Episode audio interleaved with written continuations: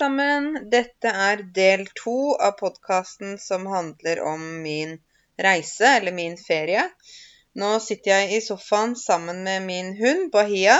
Og hun, eh, hun er veldig redd for min oppvaskmaskin. Jeg vet ikke hvorfor. Så hun sitter helt ved siden av meg, eh, av meg her. Hun sitter helt inntil meg. Så Hun er veldig redd når jeg setter på oppvaskmaskinen, for det er noen lyder der, noe hun hører som hun tror er kanskje noe annet. Så her sitter vi, jeg og Bahia. Eh, Bahia forstår ikke så mye av podkasten, men hun, hun, sitter i hvert fall her med meg. jeg sa i forrige podkast at jeg skulle snakke om Zanzibar-turen min. Eh, og jeg sa også at jeg skulle snakke om norske påsketradisjoner, uh, og hvordan nordmenn feirer påsken. Nå kommer jo dette litt i etterkant. At noe kommer i etterkant, betyr at det kommer etter noe har skjedd, da. Men allikevel så gjør det sikkert ingenting om jeg forteller litt om norsk påske. Eh, det er jo sånn at Norge ble et kristent land. Man sier rundt år 1030. Det er litt sånn usikkert akkurat hvilket år Norge ble et kristent land, men, eh, men rundt år 1030. Da var det et uh, slag. Et slag betyr en kamp på Stiklestad oppe i uh, Trøndelag. Der uh, det var en vikingkonge som het Olav Tryggvason, eller etter hvert så ble han hetende Olav den hellige, som vant. Altså det var vikingene som hadde sin religion, og Olav Tryggvason hadde blitt kristen. Så han eh, ville at Norge skulle bli et kristent land. Og da var det en kamp, eller vi kaller det for et slag, med vikinger mot de kristne. Dette var i år, to, uh, år 1030, ikke 2000. 1030. Eh, og da ble det slik at Olav Tryggvason eh, faktisk døde under det slaget. Eh, og det ble da etter hvert bestemt at Norge skulle bli et kristent land, og at vikingene ikke lenger kunne ha sin norrøne mytologi, altså sin egen religion, som de hadde før. Du har sikkert hørt om Thor med hammeren, Odin, Frøya, Loke og alle disse gudene som de hadde. Eh, og da, fra da så ble Norge et kristent land. Eh, men på den tiden så hadde vi ikke konge, vi hadde ikke dronning, vi hadde ikke noe statsminister. Så da hadde vi øh, Den som bestemte over Norge, kan vi si, da, var jo egentlig paven, som satt i Roma. Eh, vi hadde jo biskoper og sånt her i Norge, men den som bestemte over Norge, kan vi si var paven i Roma. Og det ble da innført Innført, det betyr at noe kommer inn. Bestemt, noe blir bestemt. Det ble innført eh, regler, og det ble innført altså kristendommen som statsreligion i Norge etter hvert. Og da uh, betyr det at uh, Norge fulgte kristendommen uh, med tradisjoner, med helligdager uh, osv. Og derfor har jo Norge den dag i dag fortsatt kristne helligdager, kristne ferier, selv om vi ikke har en statsreligion lenger. Norge hadde kristendom som statsreligion inntil mai 2015. Nå har vi ikke kristendommen som statsreligion mer, men vi har kristne ferier. Og det kan man jo tenke er litt rart hvis vårt land ikke har en statsreligion. Vi har religionsfrihet. Hvorfor har vi da feriene til kristendommen? Det er jo egentlig et godt spørsmål. Men det er slik at vi har jo vært et kristent land i nesten 1000 år. Uh, og jeg tror at hvis staten hadde sagt at nei, nå skal vi ikke ha juleferie, ikke ha påskeferie, ikke ha fridagene som er i mai, nå skal det bare være uh, ja, 17. mai og um, nyttårsaften, f.eks., da tror jeg hele Norge ville demonstrert og protestert. Da tror jeg mange ville blitt veldig sinte. Jeg tror rett og slett det er umulig å fjerne de kristne feriene. Fordi folk liker å ha fri, folk liker å ha ferie. Så ja, sånn er det nå. Og vi har jo påske. Um, hva gjør nordmenn i, i, påska i Norge? Vel, uh, det er jo en ferie på kanskje ca. ti dager. Ti dager pluss minus, sier vi ofte. Hvis vi skal si noe sånn cirka, så sier vi f.eks. ti dager pluss minus. Det betyr kanskje mer, kanskje mindre. Eller f.eks.: Han kommer om ti minutter pluss minus. Kanskje han kommer om åtte minutter, kanskje han kommer om tolv minutter. Skjønner dere? Så påsken er på ca. ti dager pluss minus. Um, da er det mange nordmenn som drar på fjellet. Vi sier på fjellet, ikke i fjellet. Vi kan ikke dra inni fjellet, men vi drar på fjellet. Mange nordmenn har hytter eh, i fjellet. Og det er jo ikke ett fjell, det er jo mange forskjellige fjell rundt om i Norge. Eh, noen har familiehytter. Dere vet hva hytte er, ikke sant? Det ekstra huset som vi har i eh, skogen eller i, ved sjøen eller på fjellet. Um, og da er de der med familie, med venner. Det kan være et kjærestepar, ektepar eller ja, familie med barn som reiser på hytta og er der hele ferien. Eh, hvorfor drar de på hytta? Og så kan man jo si hvorfor drar de til mer snø? det er jo kanskje litt ulogisk at man skal reise til mer snø når man allerede har hatt veldig mye snø hele vinter. Vel, det er jo for å stå på ski. Det er for å være sammen med familie. Det er for å være litt borte fra det vanlige livet eller det vanlige huset. Kanskje for å ha litt mer fred, ikke ha stress. Ja, så mange reiser på hytta. Um, og da hender det Det hender, det betyr det skjer noen ganger.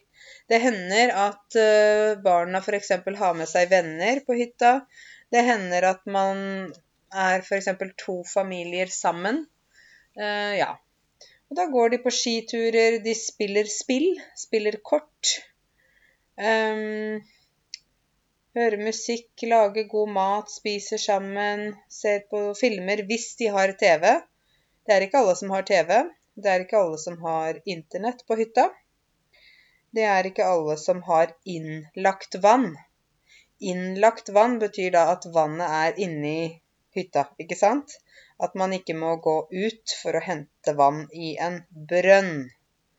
Brønn er da når man har gravd et hull ned i bakken og funnet vann, ikke sant? Eh, noen har bare utedo, og utedo, det, det er eh, rett og slett et toalett ute. Eh, noen har også toalett inne, men de har ikke sånn vanntoalett, skjønner dere? Noen har vanntoalett sånn, nesten sånn samme standard som de har i huset eller leiligheten sin. Så det er veldig forskjellig hva slags standard de forskjellige familiene, folkene, har da, som drar på hytta. Um, og så er det veldig vanlig i påsken at, man, at, barna får godteri. At de får et påskeegg med godteri i. Uh, en del familier uh, har sånn at de må lete etter påskeegget sitt. At de gjemmer påskeegget, f.eks. ute rundt huset, så må barna gå og prøve å finne um, påskeegget. Så det er uh, en sånn aktivitet. Uh, en del familier spiser mye egg. Uh, det er jo egentlig en sånn kristen tradisjon da, med at egg symboliserer nytt liv. Så det er veldig mange som spiser egg i påsken. Og så er det mange som pynter både hytta eller huset sitt med gule ting. Både påskeliljer, som er en spesiell blomst, eller de har gule duker på bordene. De pynter med kyllinger. Barna kanskje lager kyllinger, sånne små figurer. Pynter de hjemme. Så det er vanlig for mange. Og gul farge er jo også litt sånn farge for lys, liv, våren kommer, ikke sant? Så ja. Um, de som er kristne, da, som, som, ikke bare har ferie, men som er kristne, de går gjerne i kirken i påsken. Um, de leser vel uh, mer i Bibelen. Um, og sånne ting. Jeg selv uh, er ikke religiøs, så jeg er ikke i verken kirke eller noe annet trossamfunn. Men jeg er ikke ateist. Jeg er ikke ateist, men jeg er mer Hva skal jeg si? Mer åpen, da. Jeg tror jeg, jeg, kanskje jeg kan ta litt av alle religioner. Jeg synes alle religioner har noe bra. Uh, men personlig syns jeg det er vanskelig å være i en religion, for uh, det er mange ting man må huske på, det er mange ting man må forholde seg til. Uh, regler, bestemmelser, hvordan man skal kle seg, hvordan man skal oppføre seg, hva man kan gjøre, hva man ikke kan gjøre, osv. Så, så jeg meldte meg ut av kirken da jeg var 18 år. Jeg var som alle andre norske barn og ungdommer. Eh, jeg var døpt i Den norske kirken. Jeg konfirmerte meg da jeg var 14-15 år i kirken. Eh, men allerede da var jeg litt sånn Tenkte egentlig at jeg kanskje ikke burde gjort det. Så da jeg ble 18 år og voksen, det er jo det vi kaller for voksen i Norge, da meldte jeg meg ut av kirken. Så det er et valg jeg har tatt. Men jeg syns det er veldig viktig at man må respektere alle mennesker, uansett hvilken religion de har, eller hvis de ikke har religion. For her i Norge har vi religionsfrihet, og det betyr at man selv bestemmer hvilken religion man skal være i. Det betyr også at man eh, eh, har lov til å konvertere til en annen religion. Det betyr å gå fra én religion til en annen religion. Eh, det betyr også at eh, folk får lov til å være medlem av et trossamfunn. Eller eh, ja, trossamfunn, det er liksom en menighet eller en gruppe mennesker som tror på en ting. Så, så sånn er det. Men jeg er da altså Mange har jo spurt meg ja, hva med deg, Karens? ikke sant? Mange på YouTube har spurt meg hva slags religion har jeg, osv. Eh, det er ikke så viktig for meg eh, egentlig å fortelle om dette, men jeg, jeg, tenker sånn i forbindelse med påsken, da. Så for meg så, som ikke er kristen, så er vel påsken mer en sånn det er en ekstra ferie, på en måte. Det er en tid man kan samles med familie og ha litt mer tid til å gjøre ting man ønsker å gjøre. Um, og så er det For meg er det mulighet til å reise. Det var jo det jeg gjorde nå. Uh, jeg er ikke et hyttemenneske. Det betyr at jeg ikke liker egentlig å være på hytta.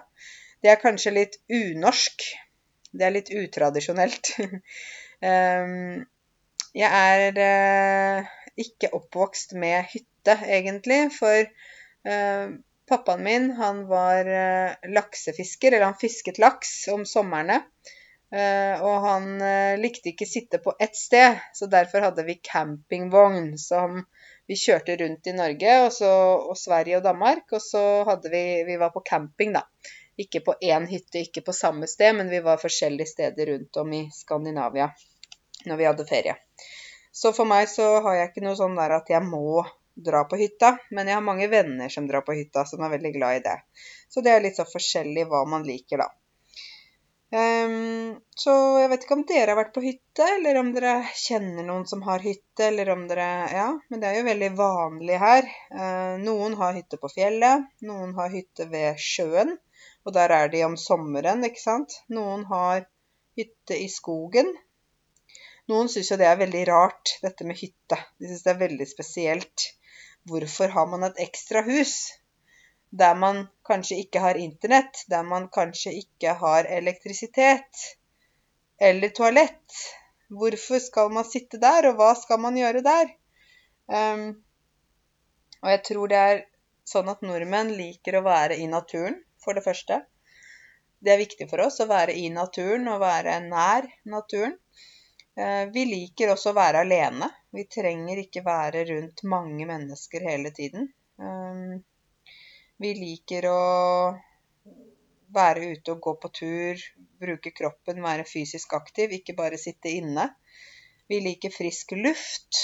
Um, så det er mange grunner til at vi liker å være på hytta.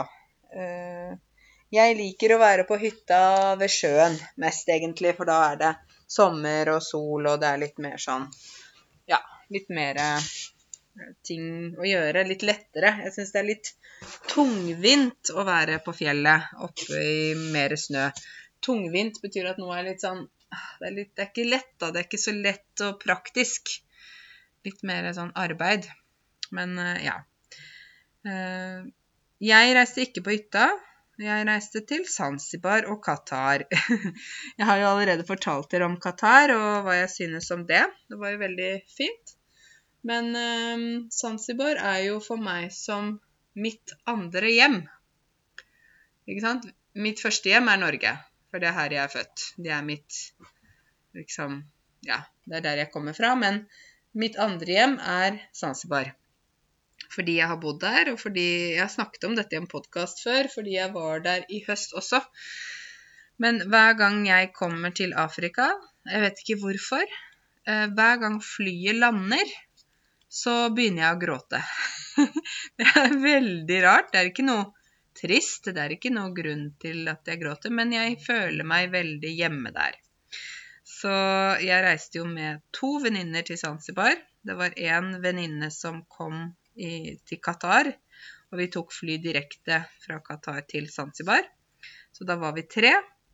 Um, og da hadde jeg fortalt mine venninner litt på forhånd, men jeg hadde ikke fortalt dem så veldig mye, for jeg ville ikke at de skulle på en måte lage seg ideer som kanskje ikke var uh, riktige, da. Så jeg ville at de skulle bare komme med et åpent sinn å ha et åpent sinn betyr at man har åpne tanker. Man er ikke sånn fordomsfull.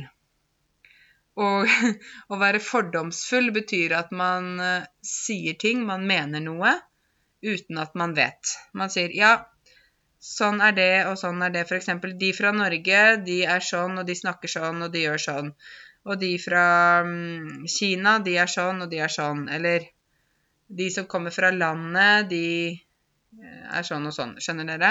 Å være fordomsfull. Det er, no, det er ikke noe positivt ord, da. Så da flyet landet Selvfølgelig så begynte jeg å gråte litt fordi jeg landet i mitt andre hjem. Men um, ikke, ikke gråte sånn at jeg er trist. Dere skjønner forskjell på det. Bare glad. Jeg var glad. Og så gikk vi ut av flyet. Da kom vi jo fra Qatar, som er veldig moderne, veldig ryddig. Alt er i system, det er ikke noe tull til Zanzibar, en liten flyplass, der vi må vente på koffertene eh, fordi de kommer med koffertene manuelt, altså én for én. Det er ikke noe bagasjebelte. Det betyr at du står ikke og venter på at bagasjen din skal gå rundt på et bagasjebelte. Nei, de kommer med én og én koffert. Så det er tungvint. Nå har du lært det ordet, ikke sant? Det er tungvint. Det er ikke praktisk. Det er ikke lett. Så vi måtte stå der ganske lenge. Um, til slutt fikk vi koffertene. Så hadde jeg allerede leid bil. Så vi um, hadde jo bil, og jeg uh, hadde fikset med førerkort og sånne ting på forhånd. Um, det var Vi hadde en sånn uh, Toyota Subaru Nei, jeg husker ikke helt, jeg. Ja. Tror det var Toyota. Det var en sånn firehjulstrekker. Firehjulstrekk betyr at det er, at det er Ja. Dere forstår hva jeg mener. En sånn bil man må ha i Afrika. Um, så kjører man uh, i det engelske systemet. Det betyr at jeg må kjøre på motsatt side av veien fra hvordan man gjør det i Norge. Dessuten sitter jeg på motsatt side i bilen, inni bilen, ikke sant. Jeg sitter på høyre side inni bilen, mens i Norge sitter jeg på venstre side inni bilen. Um, mine venninner hadde ikke vært på Zanzibar før. Um, hun ene hadde aldri vært i Afrika. Hun andre hadde vært på Lamo, en øy som ligger uh, utenfor Kenya. Men det var mange år siden, så de var litt sjokkerte. De var litt sjokkerte for det første for at uh, ting var så tungvint med koffertene, og ting tok lang tid. Så var de litt sjokkerte over å se meg i en veldig annen situasjon. uh, jeg snakker swahili, så de hadde ikke hørt meg snakke swahili før på den måten. Um, de var litt sjokkerte over å se at jeg kjørte bil der nede, fordi de tenkte at jeg ikke turte å gjøre det. Men for meg så var det helt naturlig. Og så var de sjokkerte over både varmen og over um, systemet, veiene, mye trafikk og biler og sykler og litt kaos. Så fra Qatar til Zanzibar var det ganske stor forskjell, egentlig. Um, vi kjørte til eh, stedet vi skulle være, et sted som heter Opendo. Og Pendo betyr kjærlighet på swahili. Så det var et type bungalow-sted, eller altså et sted der det er sånne Bungalow er som en liten hytte, men uh, uh, med egen dusj og sånn på stranda. Så da hadde vi booket det, og jeg kjenner hun som eier dette stedet. Hun eh, er indisk, men vokste opp i England. Og så, eh, for en del år siden, bestemte hun seg for å selge alt hun hadde i England, og flytte til Zanzibar og starte opp Opendo, dette stedet, da. Så sånn ble det. Eh, Opendo ligger på Ehm, østkysten, østkysten av Zanzibar. Og der er det hva skal jeg si, veldig fredelig, rolig. Um, det er ikke så mange folk, ikke så mange turister der. Det er også en restaurant som ligger ute i vannet på en veldig gammel sånn korallstein. Så denne restauranten heter The Rock. Og hvis man skal dit, må man eh, ta båt. Eller det er bare kanskje ti meter, da. Men på dagen, eller på kvelden kommer det veldig mye vann inn over mot stranda. Og da kan man ikke gå dit. Da vil man bli veldig våt. Å bli våt betyr at man får vann på klær og sånt. Eh, på dagtid trekker vannet seg tilbake på Zanzibar. Vannet trekker seg tilbake. Det betyr at vannet øh, trekker seg tilbake. Du kan ikke se vannet. Så kommer det igjen på ettermiddagen. Um, på Opendo der så For det første fikk min venninne litt uh, Hun fikk dilla. Vi sier å få dilla betyr at man blir litt desperat eller uh, febrilsk eller hun kom uh, til meg og sa 'Karense, Karense, det er mange maur på rommet mitt'. Maur er disse små insektene. Du vet, uh, man har de i hus, man har de i skogen. Maur. De lager sånne maurtuer. Dette er kanskje vanskelig å Ants heter det på engelsk. Maur. Eh, da var det masse maur på rommet hennes, for det var noen, noe bananskall som lå på gulvet, så disse, alle disse maurene kom for å spise på det. Og min venninne er redd for insekter, og da sa jeg til henne, vet du hva, nå er vi i Afrika. du har reist til Afrika. Her er det veldig mange insekter. Her er det veldig mange dyr. Dette er Afrika. Ja, men jeg liker ikke insekter, og hvordan kan jeg sove her? Og hun stresset veldig mye. Så sa jeg vel, nå er du her, du kan ikke reise tilbake til Norge. Nei, jeg vil ikke tilbake til Norge, men jeg er veldig redd for insekter. Så sa jeg ok, da må du bare slappe av. Eh, du har myggnett over senga di. Altså det er sånn hvitt nett som henger over senga fordi det er mygg der. Det er ikke malaria på Zanzibar, men det er mygg og myggen kommer om kvelden og biter. Hvis du ikke har myggnett over senga di, da. Eh, så hun hadde en utfordring med at hun måtte utfordre seg selv, egentlig, på å prøve å ikke bli så uh, gal. ikke bli så nervøs når hun så insekter. For Afrika har naturligvis. Veldig mange insekter. Ehm, den andre venninnen min hun var ikke redd for insekter, men hun var redd for bakterier med mat osv. Så, videre. så jeg måtte også si til henne at igjen, dette er Afrika. Her er det ikke alltid like rent. Ehm, jeg forstår at du er kritisk til å spise både her og både der. Men eh, vi må jo ha mat. vi spiste jo på ganske ok steder. Noen ganger spiste vi lokalt. Men da ville ikke min venninne spise, for hun var redd for å bli syk. Så jeg hadde med meg to turister på tur. Det var veldig gøy å vise dem eh, øya. Jeg kjørte rundt, viste dem eh, Zanzibar, på en måte. Um, vi dro og besøkte damene som jeg jobbet for da jeg bodde der før. Eh, de visste ikke at jeg kom, så det var en overraskelse. Eh, jeg hadde prøvd å få tak i dem eh, på forhånd, men de svarte ikke. Så derfor dukket vi bare opp. Å dukke opp betyr at man bare kommer uten å gi beskjed. For eksempel han dukket opp på festen. Eller hun dukket ikke opp på jobb i dag. Det betyr at hun ikke kom på jobb i dag. Så vi bare dukket opp plutselig. Vi kjørte til denne fattige landsbyen der damene bor, der jeg også bodde før. Jeg jobbet jo med kvinneprosjekt da jeg bodde der. Og damene var veldig overrasket. 'Hæ? Kommer du?' Og de kaller meg faktisk for mamma kanin. Eh, det gjør de fordi jeg hadde et prosjekt der med kaniner. Uh, og da kalte de meg bare for mamma kanin. Så når de så meg, så sa de til meg 'Mamma Sungora!'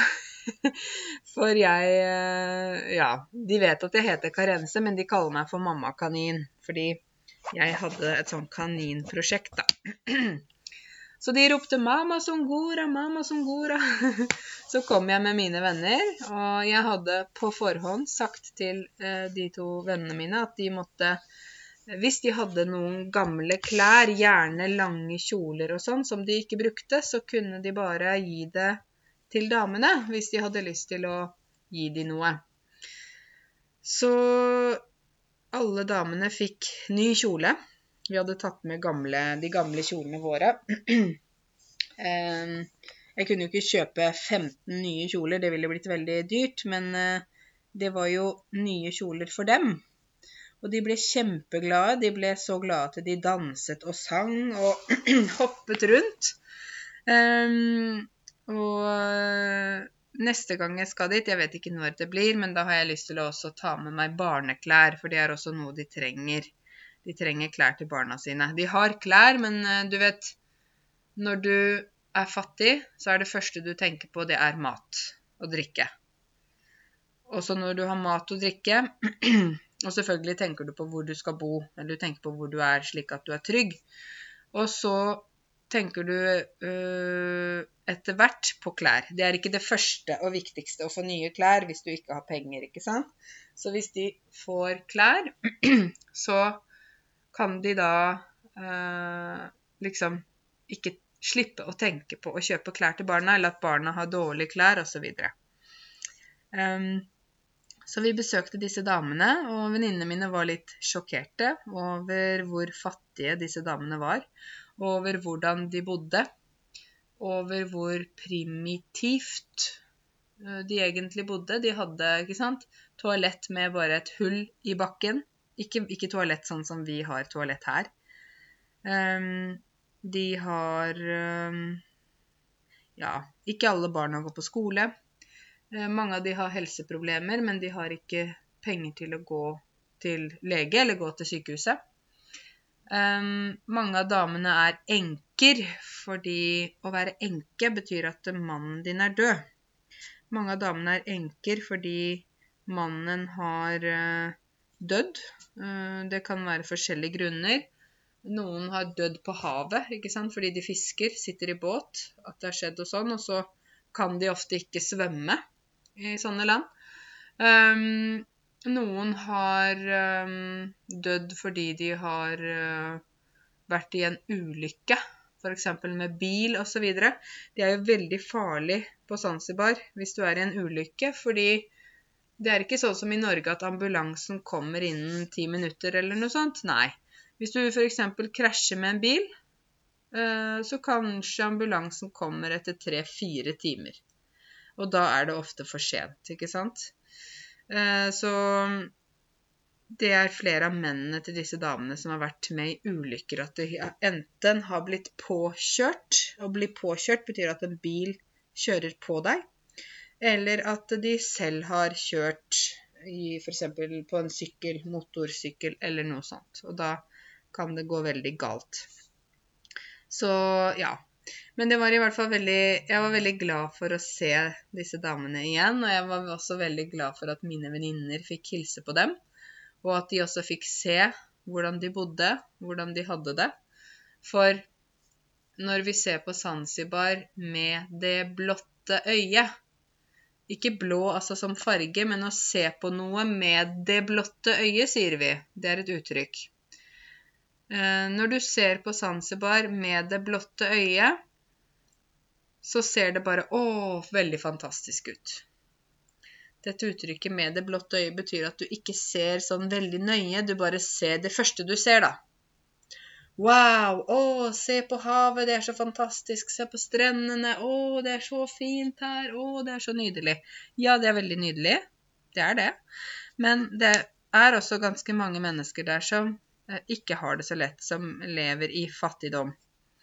Så jeg var glad for at mine venninner også fikk se dette, at det faktisk er Ehm, mange som ikke har det så greit, av lokalbefolkningen, da. Ehm, men så må man jo også tenke på hva betyr det å ha det greit. Eh, der på Zanzibar er det jo fred.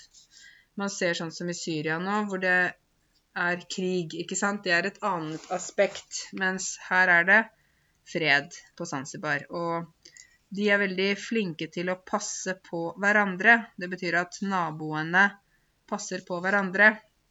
Hvis f.eks. en nabo ikke har mat i dag, så kan de gå til en annen nabo og få mat. Slik at man ikke legger seg og er veldig sulten. De passer på hverandre. Så det syns jeg er veldig fint, da. Um, der på Zanzibar så er det sånn som jeg sa til dere, at vannet trekker seg tilbake på dagtid. Man må gå litt langt ut for å sole seg eller for å bade. Um, vi måtte ha på badesko når vi gikk ut, fordi det er mange kråkeboller. Uh, kråkeboller på uh, bunnen, altså der uh, når vannet har gått tilbake. Kråkebolle er en svart Det ser ut som en Det er forskjellig farge, men på Zanzibar er de svarte. Ser ut som en svart ball. Altså, det er ikke en fisk. Det er en svart ball med pigger som står ut. og hvis du tråkker på en kråkebolle, det betyr tråkke på at du får en kråkebolle i foten, da må du til sykehuset. Fordi kråkebollen er giftig. Giftig akkurat som en slange er giftig, ikke sant? Så vi måtte bruke badesko når vi skulle gå ut for å bade av disse kråkebollene. Eh, og så er det jo sånn at vannet er helt fantastisk fint her. Vannet er ikke blått. Vannet er turkist. Turkis er jo en eh, blanding mellom blå og grønn, ikke sant? Det er sånt vann. Turkist vann. Eh, det var veldig varmt, ca. 30 grader, så vi måtte bruke solkrem og solfaktor. Jeg brukte solfaktor 50 i ansiktet og solfaktor 30 ellers på kroppen. Um, men allikevel klarte jeg å bli solbrent. Hvis det er noen av dere som har sett mine nylige YouTube-videoer, så ser dere at jeg er både litt brun og litt rød. og det kommer fra uh, sola på Zanzibar, for sola er veldig sterk, da. Uansett så uh, var det veldig deilig å kjenne sola på kroppen. Det må jeg bare si. At etter så mange måneder med kulde og vinter, så var det veldig deilig å kjenne solvarme. Og hører dere, nå snakker jeg om været. Jeg vil ikke snakke om været, men jeg må nesten bare si at jeg synes denne vinteren har vært tung. Det har vært tungvint, og det har vært vanskelig. Eh, så derfor var det godt å være litt i sola. Eh, det er jo sånn, dere, at eh, en del av dere kommer fra ganske varme land. Og når dere har vært i hjemlandet, så har dere kanskje vært mye ute. Kroppen har fått uh, mye sol, mye D-vitamin, ikke sant? Det er det som man får fra sola. Og så hvis man kommer til Norge og sitter mye inne, hvis man ikke går så mye ut, da kan man få det vi kaller for D-vitaminmangel. D-vitaminmangel betyr at kroppen din mangler, treng, altså trenger D-vitamin. Så jeg syns det var veldig godt å få litt D-vitaminer, slik at jeg holder meg frisk. Det er faktisk veldig viktig for oss mennesker å få D-vitamin. Eh, dere som er flinke til å gå på tur også om vinteren, dere har ikke noe problemer med dette her, men dere som eh, kanskje liker å sitte mye inne, og ikke er mye ute om vinteren, dere kan få D-vitaminmangel. Så pass på det. Da blir du veldig slapp. Du har lite energi, osv. Um, ehm, på Zanzibar så gjorde vi ikke så mye. Det var litt sånn eh, En sånn eh, ferie for å slappe av. Koble av. Å koble av betyr at man liksom tar helt fri, da. Eh, jeg tenkte at jeg skulle lage podkast på Zanzibar, men vet dere hva? Internettet der er bare helt håpløst. Håpløst betyr at det ikke er noe håp. det er veldig tregt. Det er jo en øy, ikke sant? Og øyer ligger ute i vannet. Og da er det ikke så lett å ha godt internett. Jeg prøvde å sjekke litt e-poster og sånn, og jeg fikk så mange e-poster mens jeg var der. Det bare ramla inn. Vi sier at det ramla inn med e-poster, men jeg hadde ikke tid eller mulighet til å svare på alle e-postene. For eh, internettet var så tregt at jeg måtte vente så lenge for å åpne bare én e-post. Så jeg hadde nok å gjøre når jeg kom tilbake til Norge, skal jeg si dere. Uh, jeg hadde over 150 e-poster som ventet på meg i min innboks. Så da måtte jeg brette opp armene. Det sier vi på norsk. Det er et uttrykk som betyr at man må gjøre seg klar for å jobbe. Jeg måtte brette opp armene og sitte med e-postene en hel dag etter jeg kom hjem. For det var så mye å svare på. Um, jeg syns det er hyggelig å få mange e-poster også, og få kontakt med andre. Men når man reiser på ferie, så er det ikke alltid like lett å svare på e-poster og sånn. I tillegg så ønsket jeg også å koble av. For dere vet at jeg jobber mye. Og jeg jobber jo mye med dette med YouTube og podkaster, og jeg har grupper på Facebook og sånn. I tillegg til at jeg jobber på en voksenopplæring. Så eh, det er lurt av meg noen ganger å ta helt fri. Men det er smart av oss alle. Noen ganger så trenger vi helt fri og ikke tenke på jobb, ikke sant? Da kobler vi av. Um, jeg eh, Ja, jeg har ikke så mye mer å si om Zanzibar, egentlig har jeg det. Vi var jo en natt i Stone Town, som er en liksom hovedstaden på øya der, da. En gammel by uh, som har Man kan se at araberne har vært der, for det er sånne gamle gater hvor du må liksom gå Man kan ikke kjøre inn i byen der, fordi det er veldig smale gater. Smal betyr altså Det er det motsatte av bred. Kan ikke kjøre biler der. Så da var vi litt på shopping og litt sånn forskjellig. Bare én natt, da. Mine venninner ville nok uh, ha gått på mer shopping, men uh, det ble ikke helt sånn. Jeg uh, tenkte at det beste med Zanzibar er å være på stranda og være i sola. og vet dere hva? Det beste ved hele turen var at siste natta vi var ved stranda, så fikk vi et stort privat hus som hun som eier Opendo. Hun ga dette til oss for en lav pris. Et stort, gigantisk hus med et eh, basseng og med ja, mange ting. Det var helt fantastisk. Så da fikk vi virkelig kost oss den siste natta der. Da hadde vi basseng, og vi hadde eh, deilige senger og alt mulig. Så det var kanskje det beste med hele Zanzibar-turen. Eller det beste var egentlig å være i mitt andre hjemland. er det ikke sånn av dere, når dere reiser eh, hjem, så er dere hjemme, men når det, kanskje når dere kommer til Norge, så er dere også hjemme? Ikke sant? Man er hjemme. Man kan være hjemme flere steder, ikke bare der man er født. Det syns jeg er veldig fint, da.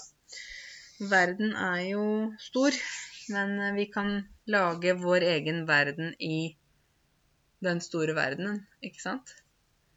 Ok, nå har Bahia gått ned fra sofaen her. Nå er oppvaskmaskinen stoppet, så nå tror jeg hun er ok. og da tenker jeg at jeg avslutter podkasten her og sier tusen takk for at du hørte på podkasten min. Jeg håper at du lærte noe nytt. Og så høres vi igjen snart. Vi snakkes ikke, men vi høres. OK, ha det godt, alle sammen.